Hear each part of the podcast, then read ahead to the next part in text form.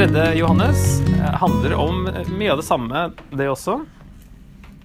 Litt annen vinkling, men vi legger det også til 90-tallet. Dette er skrevet til Gaius. Altså det er til en, eh, en eh, privatperson. Um, som vi ikke vet så mye mer om. Det er jo andre som heter Gaius, men jeg tror ikke det er noen sammenheng mellom han som Paulus nevner, f.eks. Det er sikkert et ganske vanlig navn. Eh, samme situasjon som i andre Johannes. Det er omreisende forkynnere fortsatt her. Og som, ja, første og andre Johannes, som henger sammen med den eh, menighetssplitten som skjedde i første Johannes. Eller som han skriver om der, og som eh, fortsatt har effekt i andre og tredje. Her er det en som heter Diotrefes, som er eh, et problem, i vers 9.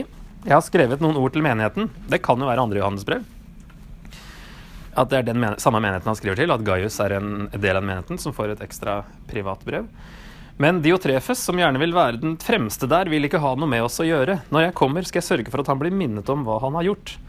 For det onde han sier om oss, er tåpelig, men han nøyer seg ikke med det. Selv nekter han å ta imot våre søsken, og når andre vil gjøre det, hindrer han dem og støter dem ut av menigheten. Så han eh, Diotrefes er en sånn menighetsdiktator som har liksom overtatt eh, kontrollen på menigheten her og sparker ut de som eh, gjør noe som han ikke eh, er enig i. F.eks. det å ta imot disse kristne, omreisende evangelistene, er han da eh, av en eller annen grunn veldig imot. Og støter ut de som, som tar, tar, imot, da. Og Gaius er jo en av de som tar imot disse omreisende. Han anerkjenner heller ikke Johannes, sier han. Vil ikke ha noe med oss å gjøre. Så han, han eh, anerkjenner ikke den apostoliske autoriteten da, til Johannes. Så hensikten med det brevet her, det er å oppmuntre Gaius til å fortsette å ta imot fremmede søsken og hjelpe dem videre. Som det står i 5-8. 5-8.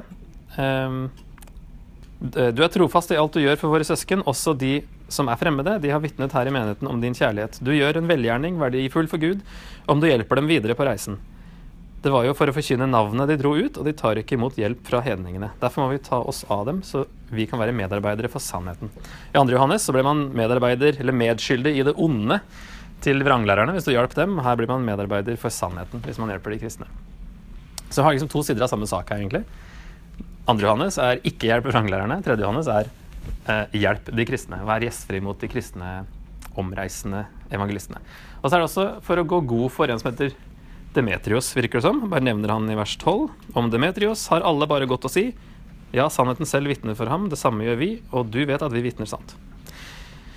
Eh, også en oppfordring på en måte til å støtte misjonærer økonomisk her. Da. Det å bli med og hjelpe dem videre på reisen. Så blir du medarbeider i sannheten.